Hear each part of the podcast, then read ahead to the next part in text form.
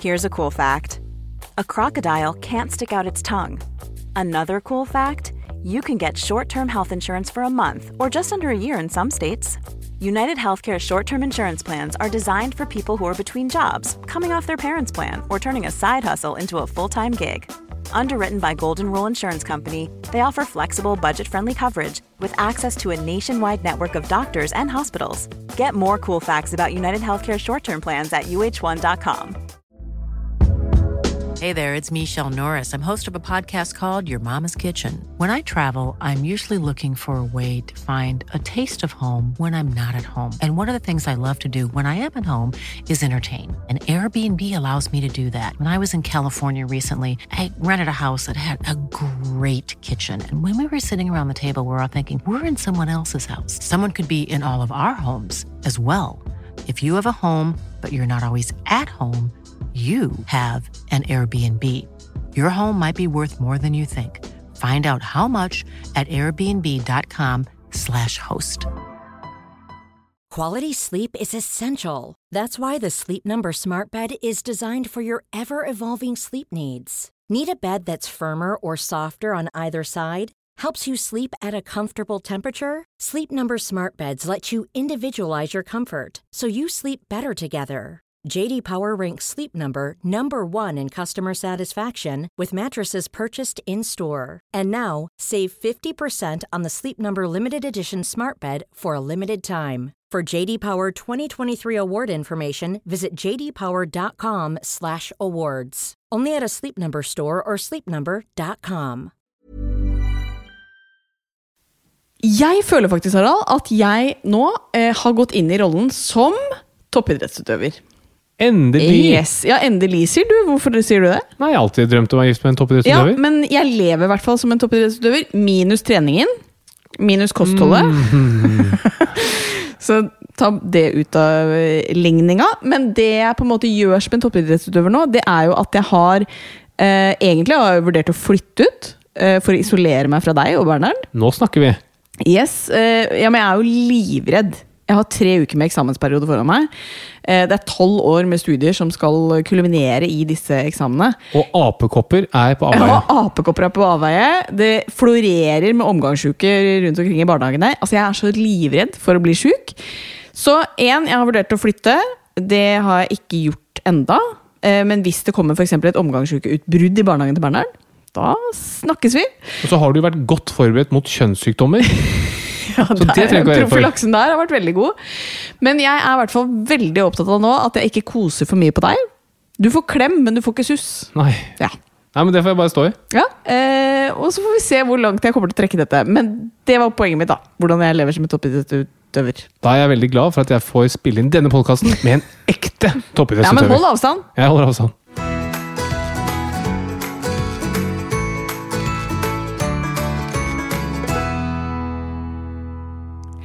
Hei og hjertelig velkommen til en ny episode av Åpen journal. Tusen, tusen takk for det. Denne episoden heter Apekopp og sørlandskropp. Ja, hvorfor det? Fordi begge deler er en del av denne podkasten. Ja, men ikke på en og samme gang. Eh, jo, i samme ja, podkast. ok. Du mener at dagens gjest, som er Katrine Sørland, også har apekopper? Nei, men hun har en sørlandskropp. Ja, men hva har apekopper med det å gjøre? Det rimer. Og du skal snakke litt om apekopper, eller? Det skal jeg gjøre. Ja. Apekopper er gøy å si. Det er veldig gøy å si. Ape, apekopper. apekopper. Eh, og hvis man skulle finne opp liksom en sykdom nå som man på en måte blir redd av bare å høre om, på en måte, så vil jeg si at apekopper er noe som er sånn De kunne jo kalt det noe litt mindre farlig. Jeg er helt enig, det er høyt oppe på listen. Men til alles forsvar, som har vært involvert i navngivningen av den sykdommen, Mhm. Ja. så er det et gammelt navn. Ok. Sikkert eh, 60-70 år gammelt. Hva ville vært et snilt navn på et sånn virus? Eh, Aueutslett. Ja, eller koseutslettet. Blåse på. Ja, ikke sant? Da har vi fått et nytt eh, tilfelle av blåse på, og det er nå tre stykker som har sykdommen. Det hadde vært mye koseligere. Men i dag så skal det eh, handle om litt andre ting også. Det skal handle om barnesykdommer, og så er, som nevnt, Katrine Sørland dagens gjest.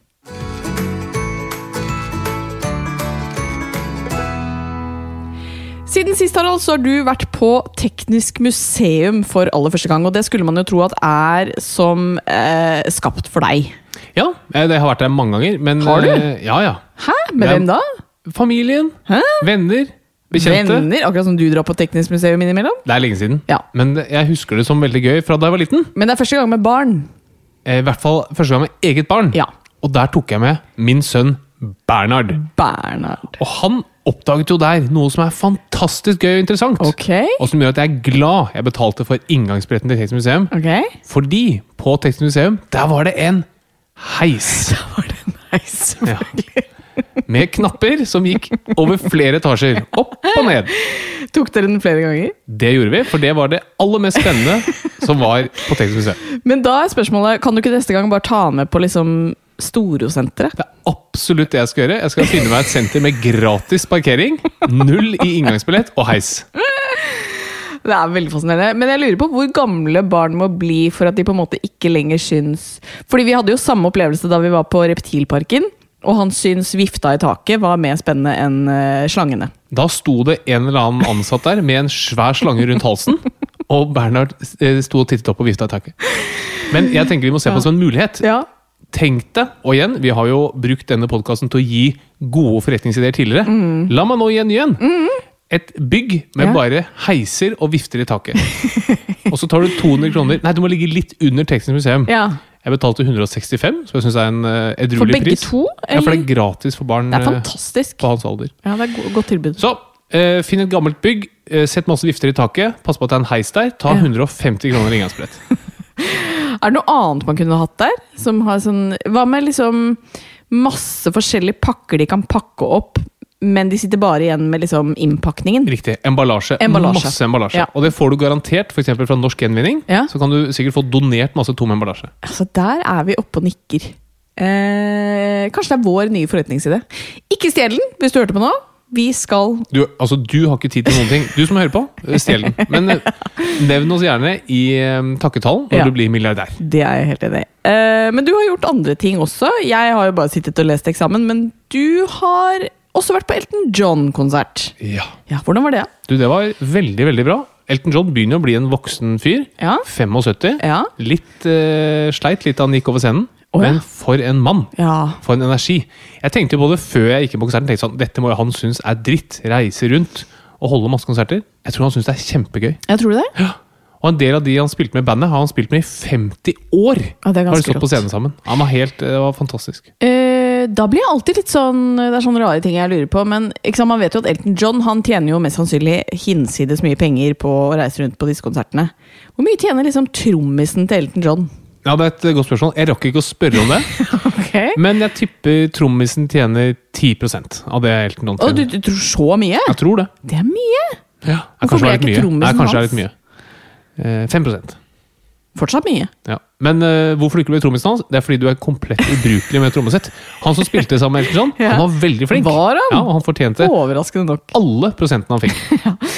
Men jeg skulle veldig gjerne vært her, for vi har jo da sett eh, denne Elton John-filmen også. eh, og det er litt sånn som med den derre Hva heter den om Queen?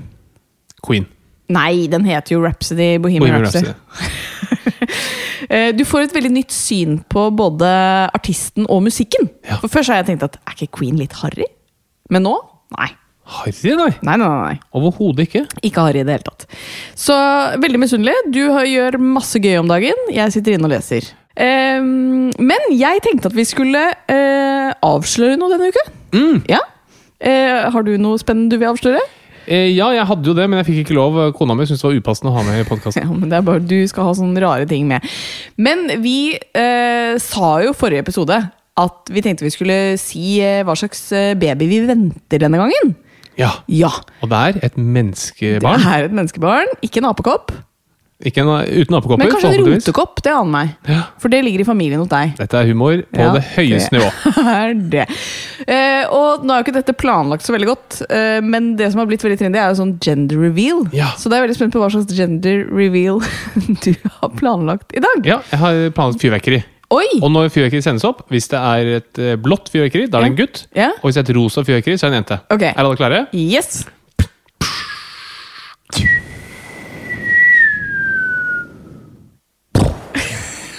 oi, oi, oi, Ah. oi! Her regner det jo blått! Blått fyrverkeri! For en gender reveal! Ja, den var Ja, jeg Den synes fornøyd jeg med. var søt og fin. Vi venter en liten gutt til. En eh, lillebror til Bernhard. Mhm. Eh, det gleder jeg meg veldig til. Jeg har hatt enormt eh, stor glede av eh, min storesøster, som er min eh, beste venninne. Så jeg tenker at det eh, unner jeg Bernhard å få en eh, lillebror som han kan forhåpentligvis bli god venn med, da. Ja. Eh, navn, har vi kommet noe lenger der? Eh, nei. Nei? Jeg tenkte faktisk på om vi skulle ha kalt den Elton etter konserten på, Elton? som jeg var på. Men som du skjønner, er jeg veldig lett påvirkelig. Ja. Men, jeg synes også ehm, Elton Det høres ikke så bra ut på norsk. Nei, Elton. Da må han hete Elton John. Da kan det være noen som hører på som heter Elton. Da. Jeg tror ikke det er mange i Norge som heter Elton. Det vet du ikke. Ja, det tar jo ikke så lang tid å sjekke, da. Eh, nei, det får vi sjekket neste gang. Men eh, ikke kommet noe nærmere. Jeg tror ikke det blir Elton. Det blir ikke Reginald Kenneth. Nei. Eh, så igjen, den plassen er fortsatt åpen. Ja, den er åpen. Vi må jobbe litt med det. Em, men det har vi jo heldigvis god tid til. Har du noe nytt fra medisinen denne uka? Ja, vet du hva, Vi må snakke om apekopper. Ikke rotekopper. Hva med Kaffekopper? Ja, ikke sant. Nei, altså dette apekoppgreiene, det er jo Bare det, tull. Nei. Det er bare tull, altså. Ja, men nå frykter jeg For du var jo på God morgen Norge denne uka også og snakket om apekopper. eh, og jeg frykter jo at du blir den nye meg. Som sitter nå eh, Vi s- sitter om ett år, og så ser vi tilbake på at du satt på God morgen Norge og sa sånn Vi trenger ikke å være bekymret. Overhodet ingen bekymring rundt Ja. dette. Famous last word. Jeg tror Wasim Zaid også sa det ganske l- et Ja. stykke ut i kronepandemien at dette snakker vi ikke om om et par måneder. I Men- 2020. Du går jo hardt ut, da, for det- er du så sikker på at ikke vi trenger å være redd for apekopper? Ja, Ok. det er jeg sikker på. Men skulle du si Var noe det mer, mer eller om var det mer utpå? eh, Ja, jeg kan fortelle litt hva det er. Ja. Så apekopper det er en virussykdom som man, man eh, først fant i aper. I- Isolerte i syke aper, så derfor heter det apekopper. Og ehm, den fins rundt omkring i verden, hos dyr, eh, særlig gnagere i Afrika, også hos aper, og hos mennesker. Og det er litt interessant at den fins hos mange forskjellige, for det betyr at den er veldig vanskelig å utrydde. For Ja. eksempel vanlige kopper. Den klarte vi å utrydde i 1980, fordi vi klarte å vaksinere alle menneskene. Men det hjelper ikke å vaksinere menneskene her, fordi da finnes den fortsatt hos dyr. da. Men i hvert fall, nå er det jo overalt på mm, mer eller mindre troverdige nyhetskilder at eh, dette apekopputbruddet Og hvor mange er det som har apekopper i Europa nå? 120? Ja, sånn, Jeg tror det er rundt 50. Å ja, det er ikke mer? Nei, det er helt... Mener du 150 eller 100? Nei, men det er rundt 50. Dette tallet kommer til å øke, da. Ja. Så hvis vi sier 100, da er vi godt innafor. Ok. Til sammenligning, hvor mange tilfeller har vi hatt av covid i Europa? Nei, 10 millioner. 220 millioner. Oi, så mye! Ja. Oi. Så apekopper det er eh, noen småtterier. Det er en sykdom som er lite smittsom. Den gir utslett og feber og sånn. Akkurat som vannkopper, egentlig. Ja. Det ligner veldig på vannkopper. Hvor redd er du for vannkopper i det daglige? Ja, faktisk eh, Nei, nå er jeg vaksinert, da. Men hadde jeg ikke vært Er du vaksinert vaksinert mot vannkopper? Nei, eh, men jeg har hatt det. Ja, det er jeg. Eh, men eh, hvis jeg ikke hadde hatt det, så ville jeg vært redd, for det er faktisk noe dritt å få som voksen. ja. Ja. Men du, du hadde ikke lest om det på i nyhetene? Nei, men jeg er ikke så gira på å få apekopper. Syns det ser Nei, du kommer ikke til å få apekopper. Nei. Altså, det, er- det er si 100 i Europa. Ja. Hva- Hvor mange bor det i Europa? 650 millioner. Ja, det er ikke så fryktelig langt unna. Så sjansen for å få det er ekstremt Sjansen er mye større for at du får klamydia. Kanskje ikke deg, Som gift? kanskje ikke deg. Men du kan få veldig mye annet. Så ikke tenk på det. Det som er på en måte interessant, grunnen til at det hauses opp nå, er at det har begynt å f- Det som er ganske vanlig, er at folk drar til Afrika, eh, klemmer på et ekorn, eller et eller annet sånt, og så får de apekopper, og så drar de hjem til f.eks. England. da. Ja. Men det som har skjedd nå, er at folk har blitt smittet i Europa. Altså fra noen som Er ikke det rart at det ikke har skjedd før, da? Jo. Ja. Men hadde det vært 1000 stykker som hadde fått det, så hadde jeg vært eh, bekymret. Ja. Det er 100 stykker som har fått det. ja. Så dette er bare å glemme. Og for at jeg skal ha, ha en liten sikkerhetsventil her, Ja. at ikke jeg skal gå ned i historien som tidenes eh, Optimist. løk, så har jo Folkehelseinstituttet de har satt ned en egen ekspertgruppe som sitter og overvåker dette her. Mm. Og hvorfor sitter de og overvåker dette her? Fordi vi skal unngå en ny koronapandemi? Ja, det er sånn at du og jeg skal slippe å overvåke det. Ja, Mm. sånn er det. Så vi kan bare glemme det. Så kan det jo være at om en uke så er det 10 000 som har fått apekopper. Da er det en helt annen eh, sak. Mm. Ja. Men du og jeg trenger ikke å tenke på det før Folkehelseinstituttet eventuelt sier noe. Så flott! Bare glem det. Apekatter eh, og apekopper. Bare glem det. Ikke apekatter. Ikke De glem det. syns jeg ikke vi skal glemme med det første.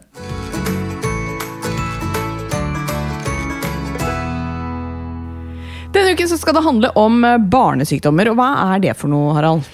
Altså Barnesykdommer det er jo i utgangspunktet alle sykdommer som kan ramme barn. Wow. Men, eh, ikke sant? Ja, ja. Men- er du lege, eller? Eh, Faktisk Du er lege. lege. Mm. Men vi bruker gjerne om de mest smittsomme barnesykdommene. De som alle barn eh, får eller har fått opp gjennom tidene. Ok, Hva er da de vanligste barnesykdommene? Det vanligste er skarlagensfeber, røde hunder, meslinger, vannkopper, kusma, kikhoste. Ja. Men ma mange av disse her vaksineres man jo nå mot, så derfor ser vi ser det ikke lenger. Nei, Bort- for da er det jo ikke så vanlig lenger. Nettopp. Men det er en del av barnesykdommen, og var det du spurte om. Det var det jeg spurte om. Eh, Men så har du jo ikke sant, første Nei, du har kanskje ikke første barnesykdom, men du har i hvert fall tredje, fjerde, femte, sjette barnesykdom. Absolutt. Ja, eh, og det syns jeg noen ganger er litt forvirrende, men de kan vi jo eh, ta litt etter hvert. Men eh, la oss ta en av de barnesykdommene som er ganske skremmende, i hvert fall kan oppleves ganske skremmende, og det er jo da falsk krupp. Hva Ja. er det for noe? Den som jeg ikke nevnte her. Det nevnte du ikke her, nei. Eh, nei, så det er derfor Barnesykdommer er et litt sånn eh, vidt begrep. da. Ja. Men, men falsk krupp er absolutt en, en sykdom som eh, Er vanlig Er vanlig. hos barn. Det er helt riktig. Og krupp det betyr egentlig bare irritasjon av strupen. Og strupen er jo liksom halsen bak svelget, da, ned i, helt i starten av pusterøret. Og ekte krupp, fordi når noe heter falsk krupp, så er det gjerne noe som heter ekte krupp også. Og ekte krupp det er at det setter seg bakterier i strupen. Og det er ganske farlig, for da kan det hovne opp så mye at man rett og slett ikke får puste. Hele pusterøret tetter seg sammen. Alvorlige greier. Men ikke vanlig. Nei, og hvorfor er det ikke vanlig? Eh, Hvorfor er ikke det vanlig? Eh, det vet jeg faktisk ikke. Fordi man vaksinerer mot den bakterien som gir krupp. Gjør du det? Ja, man Hvilke gjør det. vaksine er det? Eh, ja, hva er den igjen, da? Nei, det husker jeg ikke. Nei. Eh, inngår i barnevaksinasjonsprogrammet for de som er åpne for vaksinasjon. Ja. Så det er bra. Men da er vi over på falsk krupp, Ja. som var det du egentlig spurte om. Ja. Og det er også da krupp, altså en, en eh, infeksjon og betennelse i strupen. Men den, når det er falsk krupp, da er det en virusinfeksjon. Og da blir eh, eh, strupen hoven og irritert, men det blir ikke så tett at du ikke får puste, men det blir ganske tett, så du, det blir tungt eh, å puste. Og det høres ganske guffent ut for de rundt. ja fordi eh, dette er jo noe som på en måte Det typiske sykdomsbildet er at eh, pasienten, eller gjerne da barnet, våkner etter å ha lagt seg på kvelden. Kanskje har vært forkjøla et par dager. Og så våkner den veldig sånn brått med veldig sånn skumle lyder. Bare, kan ikke du forklare liksom hvilke tegn man ofte da ser? Jo, altså, vi eh, mennesker er liksom en svamp. Vi har liksom væske fordelt gjennom hele kroppen, hele svampen. Og når vi står, så har væsken, altså vannet i kroppen, en tendens til å liksom dette nedover, renne nedover. Akkurat som du setter en svamp opp, så vil den bli våtere i bunnen. da. Og det merker man for eksempel at man er mer hoven i beina på slutten av dagen enn i begynnelsen av dagen. Men når man legger seg ned, det betyr at det er mer vann som da begynner å fylle opp kall det lungene og halsen. og sånn. Så hvis du har en infeksjon i og rundt halsen, så vil den bli mer hoven når du ligger flatt. Ja. Og det er grunnen til at dette her ofte skjer på, mm, på kveldstid etter at eh, barnet er lagt. Ja. Og det som typisk skjer, er at man blir, eh, det blir veldig tungt å puste, og man hører at barnet sliter med å puste. Og det er ganske guffent. Og vår sønn hadde jo faktisk dette her. Og jeg eh, filmet det Ja. etter at det roet seg, da, heldigvis. Em, og da kan jeg faktisk spille av det lydklippet, fordi der skjønner jeg litt hva det går i. Og dette var da som sagt etter at han hadde kommet seg, og vi hadde satt oss ned og rotet oss. og alt for sånn. Eh, jeg syns fortsatt det høres liksom litt guffent ut, så derfor så kan dere jo bare se for dere hvordan det hørtes ut da mm, det sto på som verst.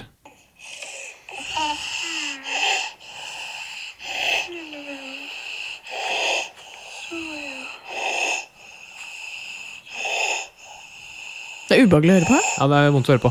Og hører at det er vondt når han puster Puster inn, inn. der. Ja. ja, Det er for det er så trangt eh, helt oppe i luftveiene. Ja, for det er jo det som er typisk, at du får inspiratorisk stridord. Og så får de det som kalles gjøende hoste. Så det høres ut som en eh, bjeffende hund, da. Sånn eh, Klarer du å gjenskape den? Jeg Merket at jeg syns ja.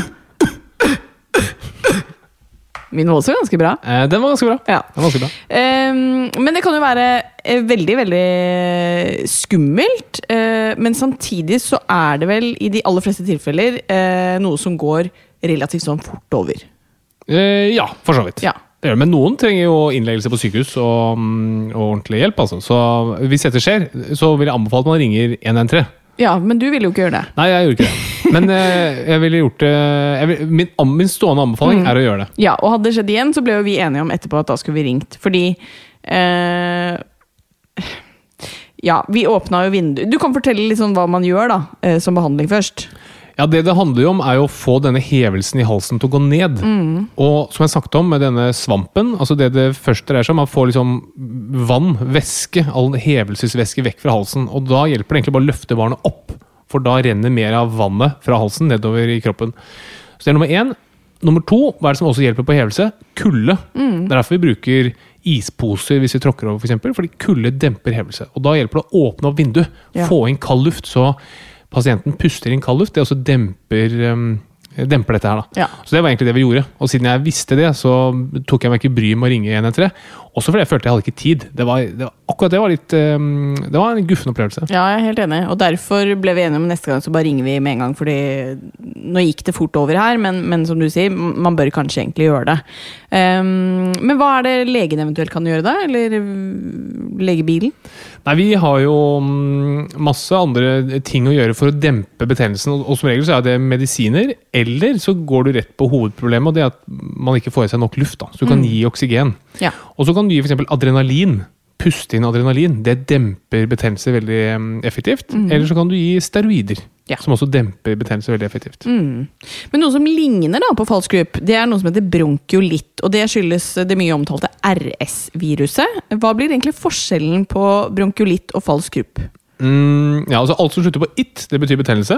En fin liten huskeregel der. Og luftveiene våre de ligner jo litt på et tre. Riktignok opp ned. Hvis du ser for deg et, et stort tre med masse grener og blader, og så snur du det opp ned. Sånn er luftveiene. Eh, stammen på treet det er sånn luftrøret vårt. Der går all luften ned. Og så deler luftrøret seg opp i masse flere mindre grener. Sånn er det også i lungene våre. Og helt ytterst på lungene våre så har vi et område hvor blod møter luft. Det er der lungenes funksjon egentlig mm, kommer til syne. Hvor man får karbondioksid ut og oksygen inn. Og det er det samme som skjer i, i treets blader. Ja, treets Du la, treets blader. la på den. Em, så bronkiolene våre, det er de ytterste grenene. Bitte, bitte, bitte små, bitte små luftveier. De er veldig små og skjøre. Og hvis du får en betennelse der, altså en it, bronkiolitt, Så blir det tett. da blir det veldig, veldig tett. Og da blir det også fryktelig tungt ø, å puste. Ja. Det som er litt annerledes her, er at da er det faktisk tungt å puste ut. Mm. Det er ikke det at du sliter med å få luft inn, du sliter med å få luft ut. For de liksom kollapser, disse små grenene, så du får ikke luften ut igjen. Og da får man gjerne piping når man puster ut. Ja. Huskeregelen der piper det når du puster ut, da er problemet inni lungen. Piper det når du puster inn, da er problemet utenfor lungen. Ja. Ehm, og ved denne type inflammasjon eller betennelse, så er det jo egentlig ikke så mye man kan gjøre annet enn å bare gi litt sånn støttebehandling med væske og smertestillende. Ja, men Du kan også her bruke medisiner som demper betennelse, hvis du trenger det. da. Ja, Og Men det er disse- ikke vanlig praksis. Det er helt riktig.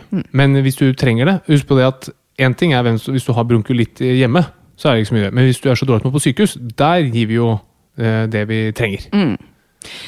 Noe som er veldig vanlig hos barn, det er jo feber. Eh, hva bør man være obs på? Når er man liksom redd for feber hos barn?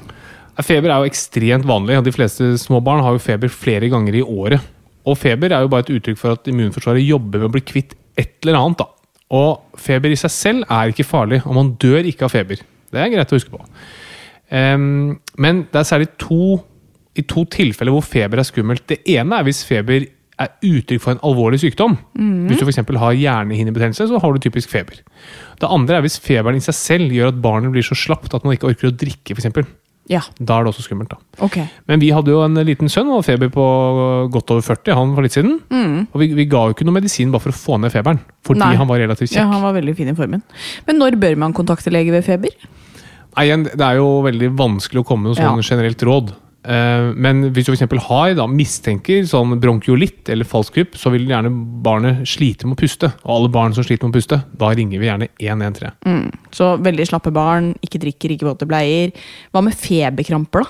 Skal man alltid ringe legen da? Ja, det ville jeg gjort. Ja. Mhm. Første gang det skjer. For det, eh, det er ganske vanlig. Det er ufarlig, men det ser veldig dramatisk ut. Ja. Da bare ring 113. Husk Ja. på det at ringer du 113, så får du veldig god hjelp. Og Det du er- bestiller ikke sykebil? Nei. Nei. Ehm, noe som også kan være skummelt, er jo eh, barn som faller og slår seg. Eh, men dessverre så gjør jo veldig mange barn det veldig mye. Så når bør man ta med eh, barnet til legen ved et fall? Nei, Nei, Der må man også føle seg litt frem. Eh, man bør jo ha ganske lav terskel ved hodeskaller, alt som involverer hodet. Ehm, og særlig hvis hodeskaden har gitt bevissthetstap, eller altså Ja. at barnet ikke umiddelbart er seg selv etterpå, da vil jeg være ganske rask med å kontakte lege. Eller umiddelbart gråter, for eksempel. Ja. Ja. Men hvis du liksom løper og slår hodet i bordet og er våken og gråter med en gang, og man er seg selv og ikke har noen plager i etterkant, så kan man godt eh, se det an. da. Mm, men heller kanskje en gang for mye enn for lite. Og det er jo som regel det folk gjør. Så Ja. altså barn er jo, eh, Hvert tredje barn er jo hos legevakten i året. Så det er ganske Ja. mye mange konsultasjoner. Jeg tror vi drar opp det snittet ganske mye. Eh, ja, det tror jeg nok du gjør. Men det som også er liksom interessant da, fra et legevaktperspektiv, er at du kunne sannsynligvis fortalt 95 av alle barn på vei til legevakten sånn du kan bare dra hjem. Ja, Trenger ikke å se deg. 95 ja, ja. Problemet er bare de, de siste 5 de vil du gjerne fange opp. ikke sant? ja. Ikke sant. Men generelt så kan jo barn som er syke, kompensere veldig lenge. Så at de kan jo på en måte fremstå mindre syke enn de kanskje er i ferd med å bli. Hvilke tegn skal man følge med på når det kommer til syke barn? Altså, Så lenge barna orker å drikke og, og leke, så er sannsynligheten for alvorlig sykdom veldig lav. Og Det er ganske mange som kommer på legevakta med barn som har snue, for eksempel, eller barn som har feber, men som har det helt eh, kjekt. Da, eller har det helt greit. da er det et kjekt barn, og da er det ikke noe å, å tenke på. Det vi leger bryr oss om, det er gjerne allmenntilstanden til barnet. Orker det å gråte? Gir det god kontakt? Eller er det bare helt sånn slapt som en pudding? Og det som alltid er litt sånn guffent, er hvis man undersøker barn som ikke gråter, eller som ikke bryr seg om at legen er der. Fordi alle barn hater jo å bli tittet i munnen og tittet i ørene. Så det er sånn en fin tommelfinger vi har, da. Og så tar man selvfølgelig masse prøver, og rett og slett fordi man er livredd for barn. Mm, Ja, Det er i hvert fall jeg, og det er mange for de kan leger ikke si som er det. fra. Mm. De kan ikke si fra, og, og hvis de først blir dårlige, så kan de bli fryktelig dårlige. Så vi har veldig lav terskel for å sende barn på sykehus, f.eks. Men utslett er jo også ekstremt vanlig. Jeg er medlem på noen sånn barnegruppe på Facebook, og der eh, legges det ut utslett nesten daglig av folk som spør hva kan dette være. Og jeg kjenner at selv etter mange år på studiet, så er det ikke lett å ta det som blikkdiagnoser, altså. For utslett kan være veldig mye, og så er det veldig vanlig. Så hva skal man være obs på når det kommer til utslett hos barn? Nei, det er som du sier, utslett er kjempevanlig, og vi bader jo vår sønn hver dag, og han har jo et utslett i hvert fall en gang i uka. Et eller annet. Et Og eller annet, ja. utslett kommer jo enten fra noe utenfra, altså noe man har vært borti som man ikke har tålt, eller noe innenfra. Og man kan jo få utslett i forbindelse med sykdom, og det er ganske vanlig. Og vanlige ting er jo som jeg nevnte vannkopper, eller hånd-fot-munn-sykdom. Men noen ganger så kan jo utslett være tegn på alvorlig sykdom, og da er det gjerne ett av to ting som er til stede. Enten at barnet er eh, veldig eh, sykt og medtatt og har utslett, da er det skummelt, eller hvis utslettet ikke lar seg avbleke. Og det kan man teste ganske enkelt. Hvis du har et utslett på kroppen, så kan du ta et glass, et kjøkkenglass, eller et par briller, og dytte inntil utslettet, og da skal utslettet forsvinne når du ser gjennom glasset. Hvis det ikke forsvinner, da skyldes utslettet at det er en blødning ut i huden. Og det kan være et tegn på en, en alvorlig sykdom. ja. Men når man som lege får inn et sykt barn med utslett, så vurderer vi gjerne veldig raskt er dette et alvorlig sykt barn, eller er det ikke det.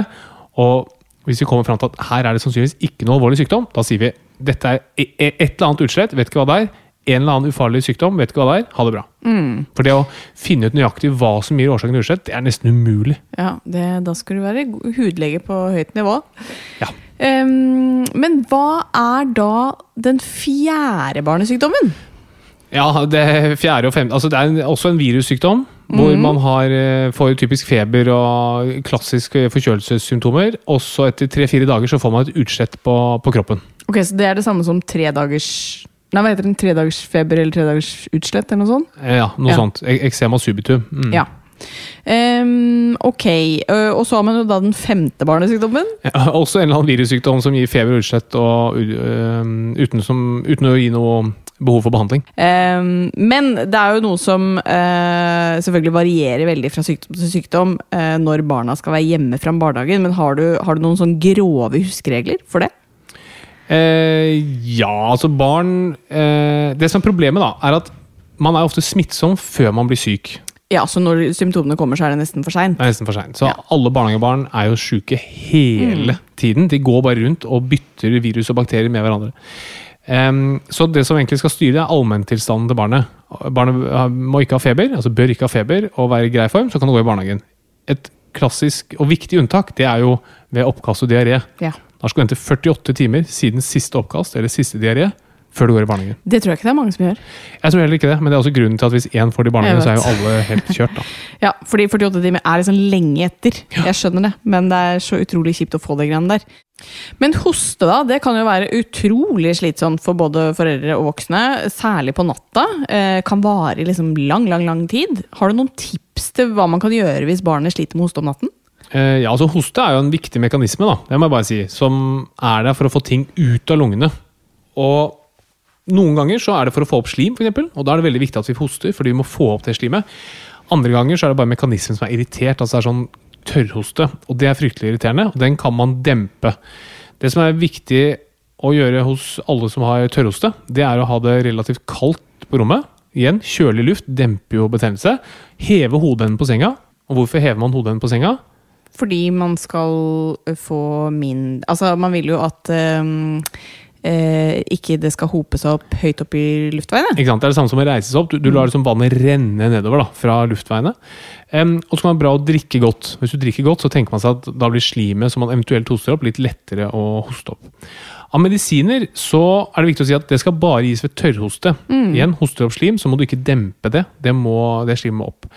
Under to år, hvis barnet er under to år, så er det kun ett medikament man har, og det er Bisol Natural Complete eh, som kan brukes. Det er sånn mm, rimelig middels dokumentert, men ofte så trenger man bare noe.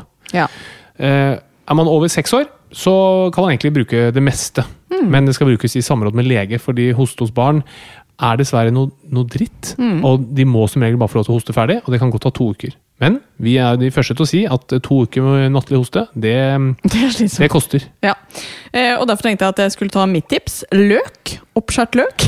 Nei, da, vi har Ikke snakket sant? om det Der har litt før. du løktrikset fra løken.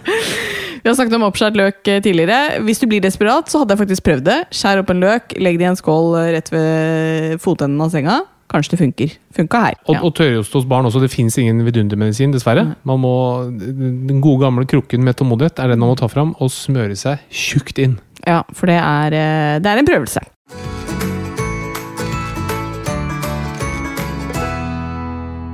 Det passer jo fint med dagens lyttespørsmål som handler om nettopp forkjølelse. Og det er en lytter som lurer på om en forkjølelse faktisk booster immunforsvaret.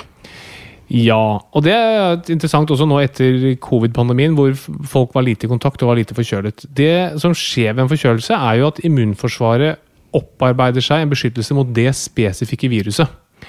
Sånn at du blir i i praksis immun mot akkurat det forkjølelsesviruset. Men så har vi jo flere hundre virus, da, så det hjelper jo ikke så mye å bare være immun mot én. Men en generell boost av immunforsvaret, det får du ikke. Og det som er viktig å huske på, er at immunforsvaret vårt det balanserer hele tiden på en knivsegg.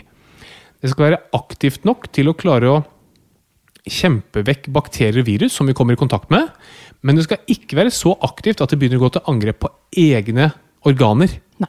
For det er også ganske vanlig. Og en del utslett er jo faktisk det, at immunforsvaret eh, kallet går til angrep på, på huden. Eh, diabetes skyldes jo at immunforsvaret har gått til angrep på bukspyttkjertelen. De med stoffskifteproblemer, det skyldes i de fleste tilfeller at immunforsvaret går til angrep på, mm, på skjoldbruskkjertelen. De med cøliaki skyldes jo at immunforsvaret går til angrep på, på ting i tarmen som ikke er farlig. Så et for aktivt immunforsvar det vil du absolutt ikke ha. Så dette med at du kan booste immunforsvaret ditt, det er rett og slett bare tull. Og de som da sier at, eller selger deg ting som sier at her kan du booste immunforsvaret, da må du spørre de, ja, men kan det boostes for mye da? Kommer jeg til å få allergi eller autoimmune sykdommer av det? Og så sier de sånn, nei, nei, nei, nei, nei det, det tror vi ikke. Da har de et ineffektivt produkt. Så mm, jeg tror, man fikk ikke noe dårligere immunforsvar sannsynligvis under covid, men det, det var mange ting du ikke møtte, som gjør at du ikke opparbeidet et immunforsvar, og så måtte du ta igjen alle de sykdommene når dørene Etterpå. åpnes. Dessverre. Derfor har vi vært mye sjuke etterpå. Yes. Skal vi si ut med apekopp og inn med sørlandskropp? Det syns jeg hørtes ut som en nydelig overgang.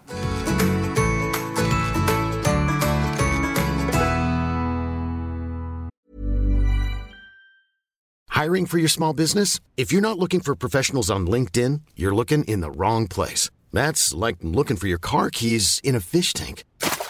LinkedIn helps you hire professionals you can't find anywhere else, even those who aren't actively searching for a new job but might be open to the perfect role. In a given month, over 70% of LinkedIn users don't even visit other leading job sites. So start looking in the right place. With LinkedIn, you can hire professionals like a professional. Post your free job on linkedin.com/people slash people today.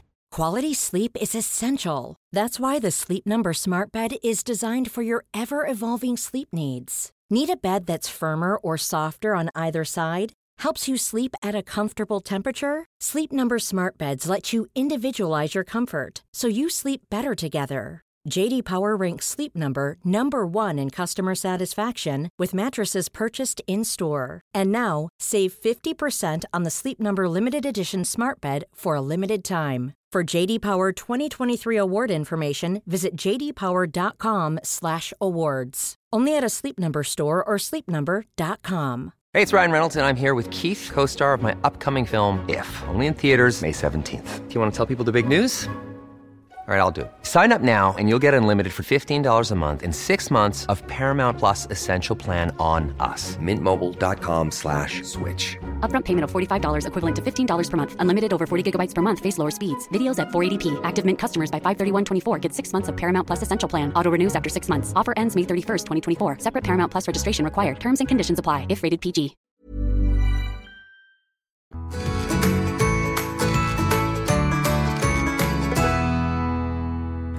Da har vi fått besøk av eh, Katrine Sørland i studio. Hjertelig velkommen. Tusen takk. Hvordan går det med deg? Det går så fint. Gjør det det? Ja, det er vår og snart sommer, og du vet, jeg våkner opp fra hiet. Ja. Er du også sånn? Altså, jeg bare kjenner at eh, vinteren er bare sånn eneste stor dvale. Ja, jeg er jo i det hiet fortsatt. Ja. Der Jeg ser har du. ikke våknet ennå. Nei, nei, jeg har akkurat våkna. Det føles helt skjønt, altså. Ja, fordi Jeg bare- du, altså jeg føler du lever livet jeg vil leve nå. Du er bare Du har vært i Miami Ja, da. ja, og syns du er ute og flyr hele tida. Ja, det har vært veldig mye flaksing, altså. Ja, altså, jeg, eh, jeg lever livet, og det er så deilig å kunne si. Akkurat nå så, så føler jeg jeg gjør det, altså. Ja. ja det er bare å glede seg, eh, dere to. Ja. Når Nei, er da. det vi kan det? Nei, det 15 år. Du vet du hva, jeg har liksom bare omfavna livet om dagen og bare tenkt at eh, vet du hva, jeg har bikka 40 og livet kommer liksom ikke i retur. og Det høres Mm. så skikkelig klisjéaktig ut, men man skal jo omfavne klisjeene. Det er en Ja, grunn til at de ja, ja. er der, ikke sant.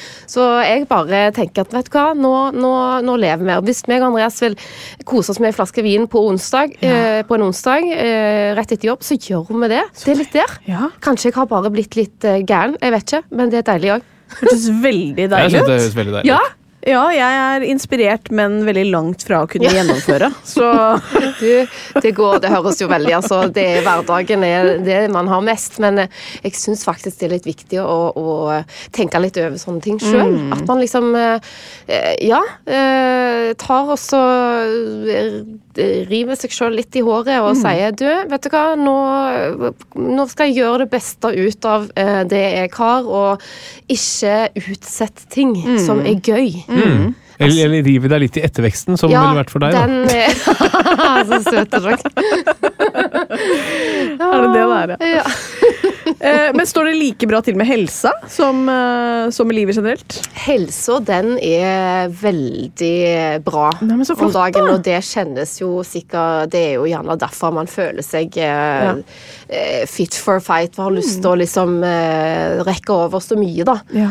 Eh, uten at det tar helt av, selvfølgelig. Jeg har heldigvis en mann som holder meg litt ned på jorda. Han drar deg med, ja. Han er med på tur, da, og syns det er gøy, men eh, han, eh, han passer litt på med en veldig fin eh, kombinasjon, syns jeg. Ja, så deilig. Ja. Så helsa, den er fin, altså. Ja. ja. Er du sånn som bekymrer deg for sykdom, eller bare Altså, jeg hadde løken, nå hadde jeg sagt at jeg ikke hadde vært innom og googla sånn alt med en gang jeg får en eller annen form for følelse at det er noe jeg feiler. Mhm. Ja. Eh, og da har jeg jo vært dødssyk mange ganger, jeg, altså. Ja, men overlevd. Jeg har overlevd. Mot alle odds. Mot alle odds! Det er utrolig Ja, rart, men, altså, det det der. er så flaut. Tenk at man gjør sånn, og så husker liksom Andreas bare, Hva holder du på å google? Nei, nei, nei ingenting. Nei. Så var jeg liksom langt nede i en sånn rar sykdom som jeg ikke husker navnet på engang. Som Ja. jeg var sikker på jeg hadde. Så jeg er litt sånn eh, for meg sjøl, men utad så, så later jeg som at nei, jeg bryr meg ikke om sånt. Selvfølgelig. Men hva, hva er det du typisk googler da, når du googler symptomer? Eh, veldig mye sånn kreft. Det er mye Ja, kreft. det er mye kreft. Ja. Og liksom, det høres jo forferdelig eh, alvorlig ut, men det er Mm. veldig mye det. Og det er jo fordi at det er jo så himla mye av det rundt omkring, og man blir jo livredde. Ja. Og det er liksom eh, Jeg har en eh, mormor som hadde brystkreft, døde etter hvert av eh, kreft overalt. Fo- Morfar, eh, Mm. farfar, eh, mamma for noen år siden tilbake siden fikk en sånn føflekk, eh, underarta føflekk, måtte fjerne masse hud. Mm. Så det er klart at man kjenner jo den der frykten. Den ligger liksom latent i oss, i det, og i hvert fall meg. Ja, ja, ja, så jeg selvfølgelig. googler jo alle typer, så jeg har nok vært innom alle typer eh, kreft, altså. Ja, jeg har det. Men det, er, det kan jeg trøste deg med at jeg også Har du det, ja? har Ja. vært. Og Ja. det som er skummelt med kreft, er jo at den Det det er så diffuse symptomer, det. oppdages seint, altså. Altså, jeg bare Ikke føler rart vi veldig blir redd. Nei, det er ikke det. Og så med- så med en gang man føler, spesielt på vinterstid, det har skjedd liksom nå i de to siste åra, eh, at liksom Og veldig trøtt, Ja, ikke uopplagt. sant? og begynner liksom Du vet, det er et symptom. Ja. Trøtt og uopplagt. Ja, jeg veldig vet. sliten, trøtt. Og jeg bare Hvorfor er jeg så sliten? eh, Ja, jeg har nok eh, fått kreft, altså. Eh, men gå, og, da- og da har jeg faktisk gått til legen og liksom Ja. tatt full blodprøve, og sånn, så er det sånn Nei, du mangler litt eh, vitamin D, du. Ja. OK. Det var det. Ja, det var det. Og så Mm. føler man seg litt sånn var sikker på en måte. Av og til så er man så sikker. Og så Mm. liksom, altså Det er sånn ekkelt å bare kjenne at det, Og så googler man selvfølgelig på kvelden rett før man skal legge seng. Ja. Ja, sant? Det er bare sånn. Andrea sitter og ser på matoppskrifter og motorsykler og sånn, mens jeg googler kreft.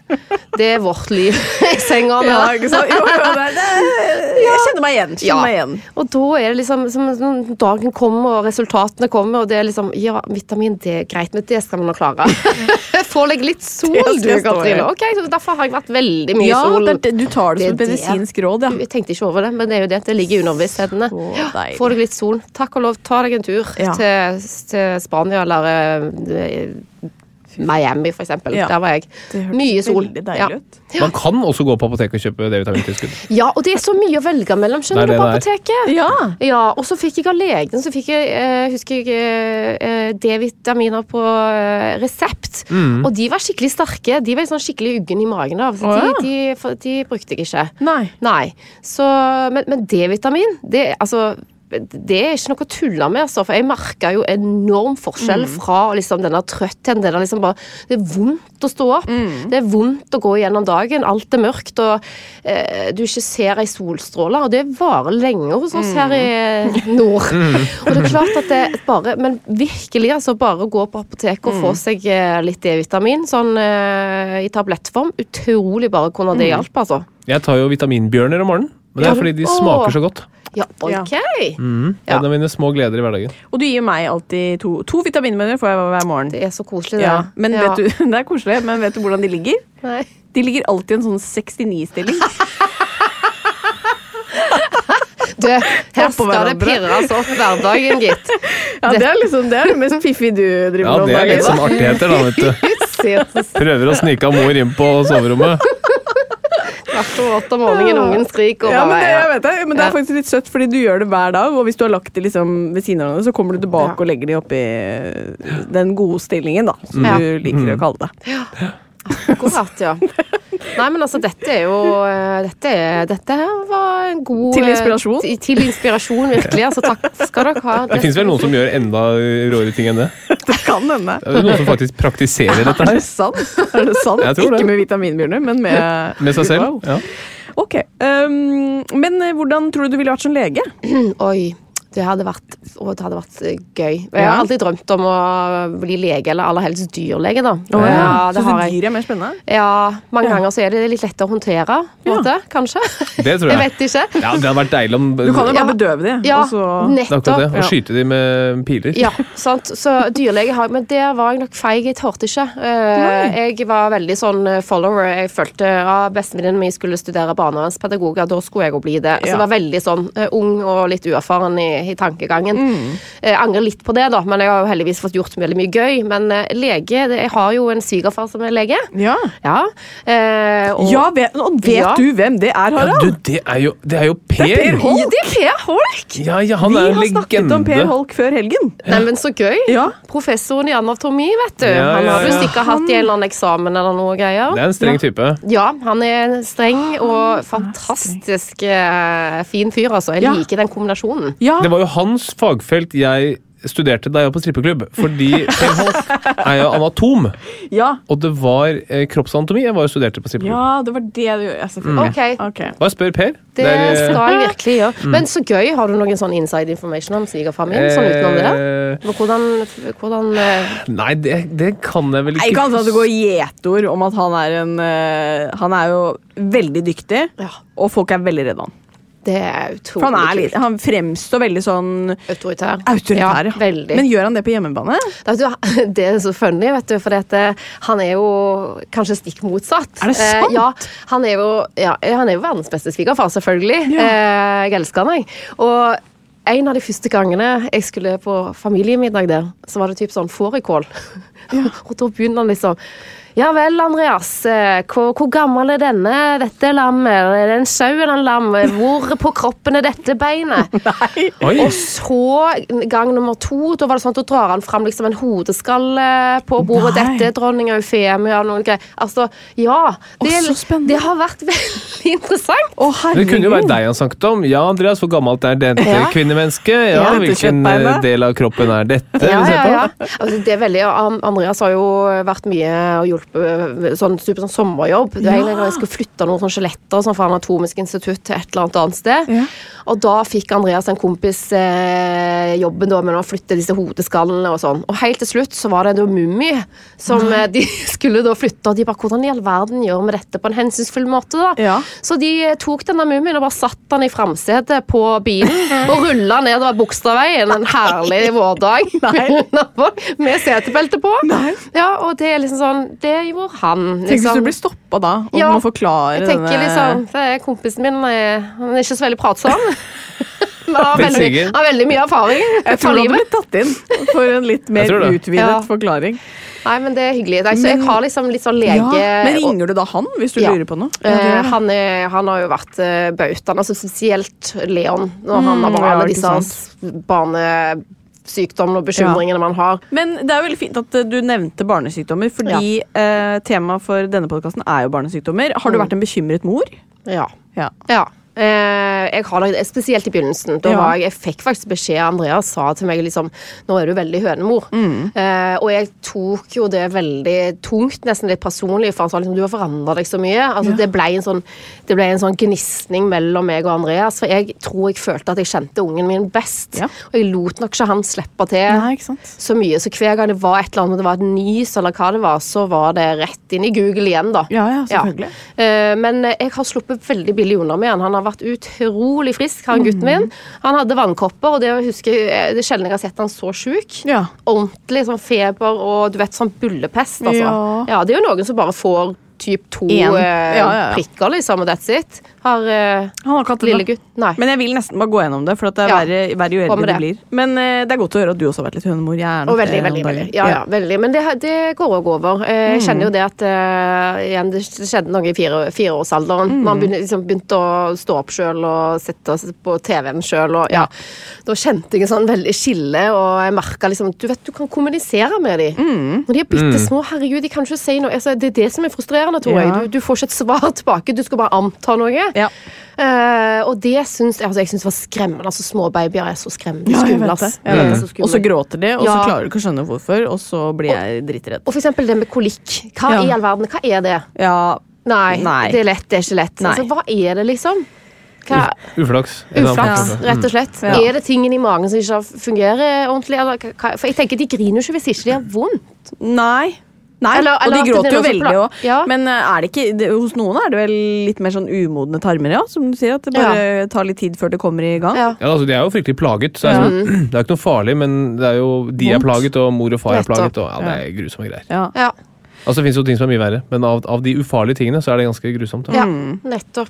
Ehm, Mm. men hvordan tror du du hadde vært på å på en måte levere dårlig beskjed til en pasient, da? Er du Åh, det tror jeg jeg hadde kanskje slitt aller mest med. Ja, jeg altså. kan tenke ja, meg den er kjip. Altså, pasientbehandlingen generelt tror jeg det Jeg tror kanskje jeg hadde vært flinkere der enn eh, faglig. Eh, Ja. Bare noe som sier meg det. Det, Ja. Mhm. det er et tøft studium, det har jeg hørt. Altså, det er ja, all ære og respekt til, Ja. til dette yrket eh, som du nå skal inn i, og du har. Ja. Fy søren, altså. Eh, Ja, jeg føler meg veldig trygg når jeg sitter her med dere. da. Ja, men det er godt, Jeg da. har lyst- nå har jeg lyst til å spørre om alt, jeg. Ja. Ja, ja, har du noe du lurer Ja, på, så er det bare å egentlig. fyre Så har løs. jeg, jeg har flere mange spørsmål. Jeg. Nå snakket vi jo om kolikk og sånt, men eh, altså i, i, Irritabel tarm, det har jeg fått konstatert. Mhm. Ja. Eh, det t- er det med å gjøre Altså, du vet tarmen. Hvor viktig altså, at tarmen er i orden. Hvor, hvor, altså, er det noe som kan påvirke alt det andre? For jeg kjenner liksom Har man en sånn skikkelig bad magedag, så går det så mye utover. Altså, jeg er sliten, trøtt, energi. Er det noe jeg kan gjøre? Eh, er det noe sant? Altså, Skjønner du? Ja, For ja. det har så, si- altså, jeg føler liksom alt henger i hop der. Mm, og det gjør det så absolutt. Mm. Og irritabel time er jo Unnskyld. Eh, Irritabel time, Det går jo gjerne begge veier. Ja. Både at eh, når, når den blusser opp, så påvirker det eh, psyken og hvordan vi har det, og Nettopp. Mm. slitne, men også andre vei. Hvis vi i utgangspunktet er liksom slitne, har Eller litt overskudd, stressa, Yes. eller- stressa, så setter det seg veldig fort i tarmen. da. Ja. Eh, og det er en ganske sånn vanskelig diagnose, for det er sånn Mm. nesten umulig å forutse hva man kan gjøre og hva man ikke kan gjøre. Men jeg tror det som er ganske lurt, er jo bare å finne en eller annen lege som, som du blir godt kjent med, og Mm. som du stoler på, og som kan følge deg over tid. Fordi man kan bli veldig bra av det, men problemet er hvis man shopper litt rundt, eller ikke er fornøyd med svarene, eller begynner å google litt og sånn, da det er en veldig Mm, know. slippery slope, da. Det er akkurat det. Og jeg var jo Mm. faktisk eh, Jeg tok meg eh, i skinnet og tenkte liksom OK, man er flinke å sjekke eh, liksom eh, mam Altså, man går til mammografi, man Mm. sjekker liksom bryster, man sjekker liksom Altså for alle ting. Men så tenkte jeg sånn Du, den tarmen, får Mm. den noe sjekken imellom? Så jeg eh, gikk de tunge stegene inn til koloskopi. Mm. Uff a meg. Jeg Mm. Ja, det er grudde litt meg sånn til ubehagelig. det. Nei, men eh, eh, jeg eh, fikk en sånn fin uh, lita sprøyte, og så Og sove litt på. Nei, men jeg var våken. Men eh, jeg var på Aleris, da. Jeg Ja, ja. gjorde det privat. 8000-9000 kroner. eh, Var og det en verdt? koloskopi. Hva faen? Fy søren. Du vet, det er så flott. Så kommer du inn i rommet. Sånn, Hei, hyggelig å hilse på deg. Ja. Ja. nå kan du bare kle av deg. Og så får du på deg en sånn greie. Sånn buksa med hull bak. det er så sykt. Jeg holdt på å dø. Jeg hadde lyst til å springe hele Ja, veien det er hjem. jo- Og liksom så legger du Hvorfor snakker vi om det? Men eh, dette, var, dette har med Ja. Men jeg føler meg jo veldig vel her akkurat nå. Ja. Dette skal jo ikke ut eh, publiseres. Nei, noe sted. Altså, nei, nei, nei, ok, nei, det var klart bra. det. Dette er Nei, lov. så, så ligger, ligger du der da bare Ja, nei, vær så god, bare help yourself! Ja. Eh, og så fikk jeg noe å liksom slappe av på, og det var sånn Å, da hadde det helt fint. Merka ingenting. Nei. Og jeg tenker liksom, det kommer ikke noe kamera oppi der, for å si det sånn. Det Nei. går ikke. Jo da. Og da fikk jeg se på skjermen. Det var veldig interessant. Inn i tarmen. Mm. Ja. Og, og der fant de eh, tre sånne polypper. Å, Ja. Ah. ja. Ja.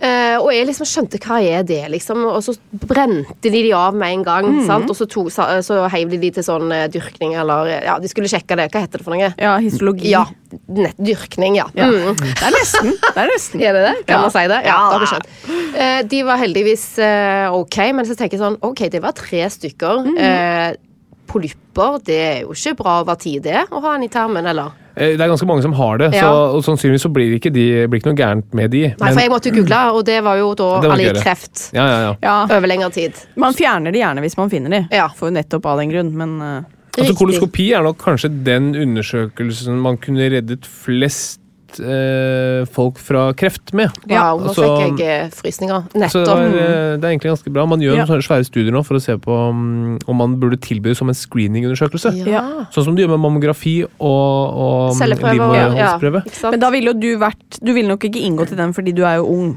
Ikke sant? ja. Det ville jo og det- kanskje vært og folk over takk, 60. eh, Vel, Mm. vær så god. Å, nå følte det var Sikkert godt. 40-50 år til du ja, skulle dit. De på 43.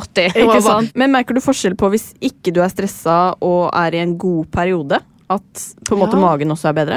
Kanskje, kanskje du sier altså Jeg har jo vært igjennom altså Man er jo alle igjennom perioder i livet der man har det bedre enn andre ganger. Og jeg hadde noen år der jeg gikk igjennom og var eh, både deprimert og hadde det skikkelig kjipt. Og da husker jeg at jeg hadde veldig veldig mye vondt. Og jeg hadde ikke bare vondt i magen, men jeg hadde mye eksem. Jeg har atopisk eksem i utgangspunktet, og det bare blussa veldig opp. Ja, ja. Så jeg tror jo selvfølgelig på det at alt har en sammenheng. Ja. Eh, så det er derfor tarmen er litt sånn spennende og et stort studium, egentlig. Ja. Ja, da, det, vi, det kommer jo nå mer med forskning som viser at um, det vi kaller tarmflora, altså det, de Ja. Mm. bakteriene vi har i tarmen, har enormt mye å si Ja. for hele kroppen. Ja. Og det, den sammenhengen der, og det er også litt sånn dumt fordi alle sånne ting som ikke er farlige i medisinen, og som er plagsomme, det Ja. blir liksom litt nedprioritert. Det da. er det. Det er Og da er det akkurat det. Mm. ingen som liksom, Har du hjerteinfarkt, så du får bare utrolig god hjelp med I en know. gang, og eksperter og oppfølging og alt mulig sånn. Jeg vet. Men alt som er litt sånn eh, Tja, Du det dør ikke av det her. Det jeg lurer på, er jo om du kommer til å få gode svar av Katrine og meg når det nå er tid for quiz. Ja! Uh, Ja. Hvem holder vi en knapp på? Nei, det er vel som vanlig meg. Ja, er det det? Nei, men da kjører vi quiz. Og med oss i dag har vi Katrine Sørland. God dag. God dagen. Og god dag til deg, Stud med eh, K. Flatland. Hei, Eh, har du trua? Ja. Hvor mange prosent lege er du nå? 90, må være 98 eller noe sånt? ja, det er ikke mange prosent unna nå. Nei, hvor mange prosent lege er du, Katrine? Det er i hvert fall eh, 58, ifølge 58. Google. Det er bra. Nei, men Vi starter enkelt. Eh, Katrine, hvor mange barn er det i verden? Ja, eh, det tipper jeg er mm, Nei, s- fi- fi- tre milliarder. Katrine? Ja, jeg vil også tippe på det, men jeg tipper 3,2. To milliarder barn. Nei! Faen!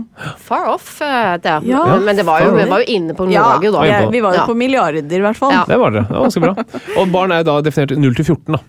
Det, Ok. mm. Å ja, ja. Neste spørsmål. Hvor mange sykdommer er det i verden? Katrine? Oi. Mm. ja i- irritabel tarmensykdom, for Ja. eksempel. Ok, så å, hallo. Ok. Ja, hallo. Hvor mange sykdommer er det i verden? Nei, eh, jeg tipper det er en eh, Tre millioner sykdommer i verden. Det blir noe, Katrine. 23 000.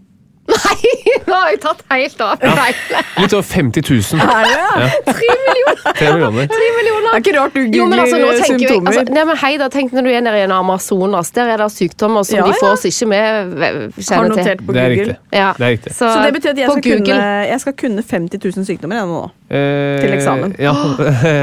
altså, det, man kan jo sette skillelinjen litt hvor man vil, da. Men Jo, det eh, fins men det kjennes sånn ut at jeg skal kunne 50 000. Nei, jeg tror det er feil at det er 50 000. Å, ja. Jeg tror det er mer, jeg. Tre, ja, men de som hører på, Kanskje noen som hører på som sitter og lager klassifikasjonen. Så nå Ja, eh, kanskje det. fikk litt inspirasjon. Ja. Hvor mange barnesykdommer vaksineres man mot i vaksinasjonsprogrammet? Katarina? Eh, d- hmm. Åtte. Katarina? Altså, jeg var òg under ti et eller annet sted, eh, men jeg vet Altså eh, Ja.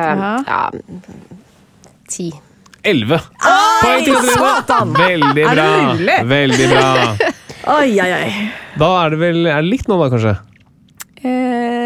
Ja, altså det er du som Ja, jeg holder tellinga. Det er likt. noen ganger vi får tilbakemelding om at Harald må holde litt mer orden på Ja. poenggivningen. der. Er det det? ja.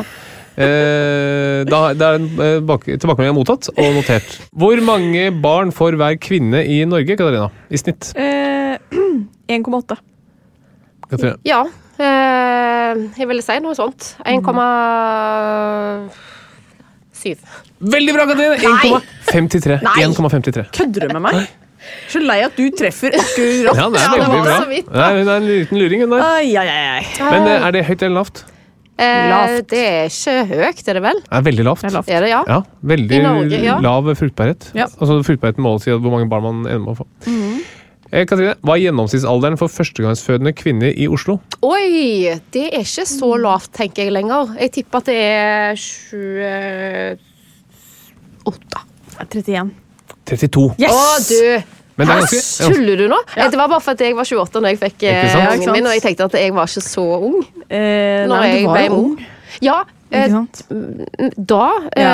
eh, men eh, nå er det Nei. jo- nei, altså, Da var det liksom Katrine, hva er den medisinske betegnelsen på en ung pasient som har en pen mamma?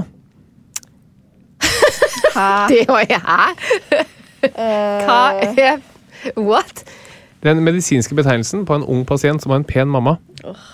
En ung pa- Nei, det her er jo Nei, jeg et vet eller annet ikke. ord. Nei, det kan jeg ikke svare på. Eh, Morfin.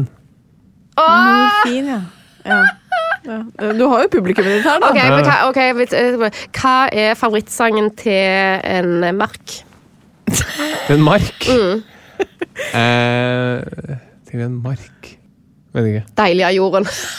Ja, dere kan bonde over det. Vi, her. vi kan lage en egen Ja, ja, quizbok. men når da. du, når du begynner, så tar jeg igjen. Altså. herregud. Det var jo helt Siste spørsmål. Ja. Hva kalles, eh, og nå er det Katrine leder med et poeng. Ja, Eh, hva kalles en barnelege, som også er motorsykkelmekaniker? selvfølgelig. Selvfølgelig. Jeg føler at Dette har du, Katarina, hørt. Dette har du stått og hørt En på. barn... Ja, er det når liksom Harley Babyson? Å, den var bra! Men eh, mopediater. Nei, oi! Å ja. ja, men den er jo enda Pedi- bedre. ja, det er For pediater er jo barnelege. Ja. Nei, den er fin, men eh, ble det et halvt poeng til meg, da? Du fikk et halvt poeng for Du, den. men likevel tapte jeg. Katrine vant med et halvt poeng. Du, det er ikke verst. Eh, Nei, Skål da, Katarina. Det Jeg er skal- ganske verst. Jeg vet Det hva er jeg ganske verst, skal. ja. Jeg skal bli lege. Jeg skal bli lege. Nå er det halvveis. Eh, men vi pleier å få et tips til sønnen vår Bernhard. Hvordan han kan bli en fin fyr, Katrine, mot slutten av podkasten. Har du et godt tips til Bernhard? Ja, Bernhard. Han viktigste jeg syns er at foreldre er flinke å lære, du vet Sånn eh, ren, eh, fi, ren og skjær fin høflighet. Ja. Eh, altså, da snakker jeg om eh, manerer, Mm. først og fremst. For det er ingenting som er mer eh, attraktivt Mm. med en mann eller en ung gutt eller en liten gutt som har gode manerer. Og der har meg og Andreas hatt strenge. Så Ja. Mm. Bernhard han skal sitte fint, han skal spise fint. Det er faktisk mulig å lære en liten unge å spise fint. Ja. Eh, og han skal si takk for maten. Eh, og han skal gjerne ta skjetten bort til benken, Yes. eller kanskje også sette den i oppvaskmaskinen. Men han kan begynne tidlig med det, altså. Ja. For det tror jeg sikkert han syns det er kjempegøy å få lov å gjøre. Ja. Alle unger je- liker å hjelpe og føle seg nyttig, og dette Mm. er et punkt jeg føler jeg skal slå et slag om, altså. Mm. Ren høflighet. Og når de blir litt eldre, så har jeg i hvert fall lært Leon at eh, eh, jentene liker fine vesker og fine sko, Mm. eh, og så er det veldig viktig å åpne døra Ja. for ja, damene. Og mamma. Og selvfølgelig mamma. Så rett og slett manerer. Ja. Det syns jeg var et veldig godt tips. Ja, det jeg var synes veldig også det bra. er utrolig lite sjarmerende med andres barn som Åh. ikke har manerer. Jeg så- kjenner jeg blir irritert, jeg, altså. Ja, Sånn. jeg står 100 bak den der. Ja. Bra, det er notert. Da sier vi tusen takk for at du kom, eh, Katrine. Dette Bare var veldig hyggelig. Altså, hyggelig. Det var Takk så for gode koselig. tips. Eh, I like måte. Takk for god hjelp. Ja, vær så god. Ja. Vi Nå er skal jeg ikke tilbake. google så mye, jeg. Nei, det var veldig bra. Vi ses neste uke, eller i hvert fall høres vi. Vi ses etterpå. Ha det. Ha det. Vi ses etterpå. Plan B. Hey, it's Paige DeSorbo from Giggly Squad. High quality fashion without the price tag. Say hello to Quince. I'm snagging high-end essentials like cozy cashmere sweaters, sleek leather jackets, fine jewelry, and so much more. With Quince being 50 to 80% less than similar brands. And they partner with factories that prioritize safe, ethical, and responsible manufacturing. I love that. Luxury quality within reach. Go to quince.com slash style to get free shipping and 365 day returns on your next order. Quince.com slash style. Hey, it's Paige DeSorbo from Giggly Squad. High quality fashion without the price tag. Say hello to Quince. I'm snagging high-end essentials like cozy cashmere sweaters, sleek leather jackets, fine jewelry, and so much more. With Quince being 50 to 80% less than similar brands. And they partner with factories that prioritize safe, ethical, and responsible manufacturing. I love that. Luxury quality within reach. Go to quince.com slash style to get free shipping and 365 day returns on your next order. Quince.com slash style.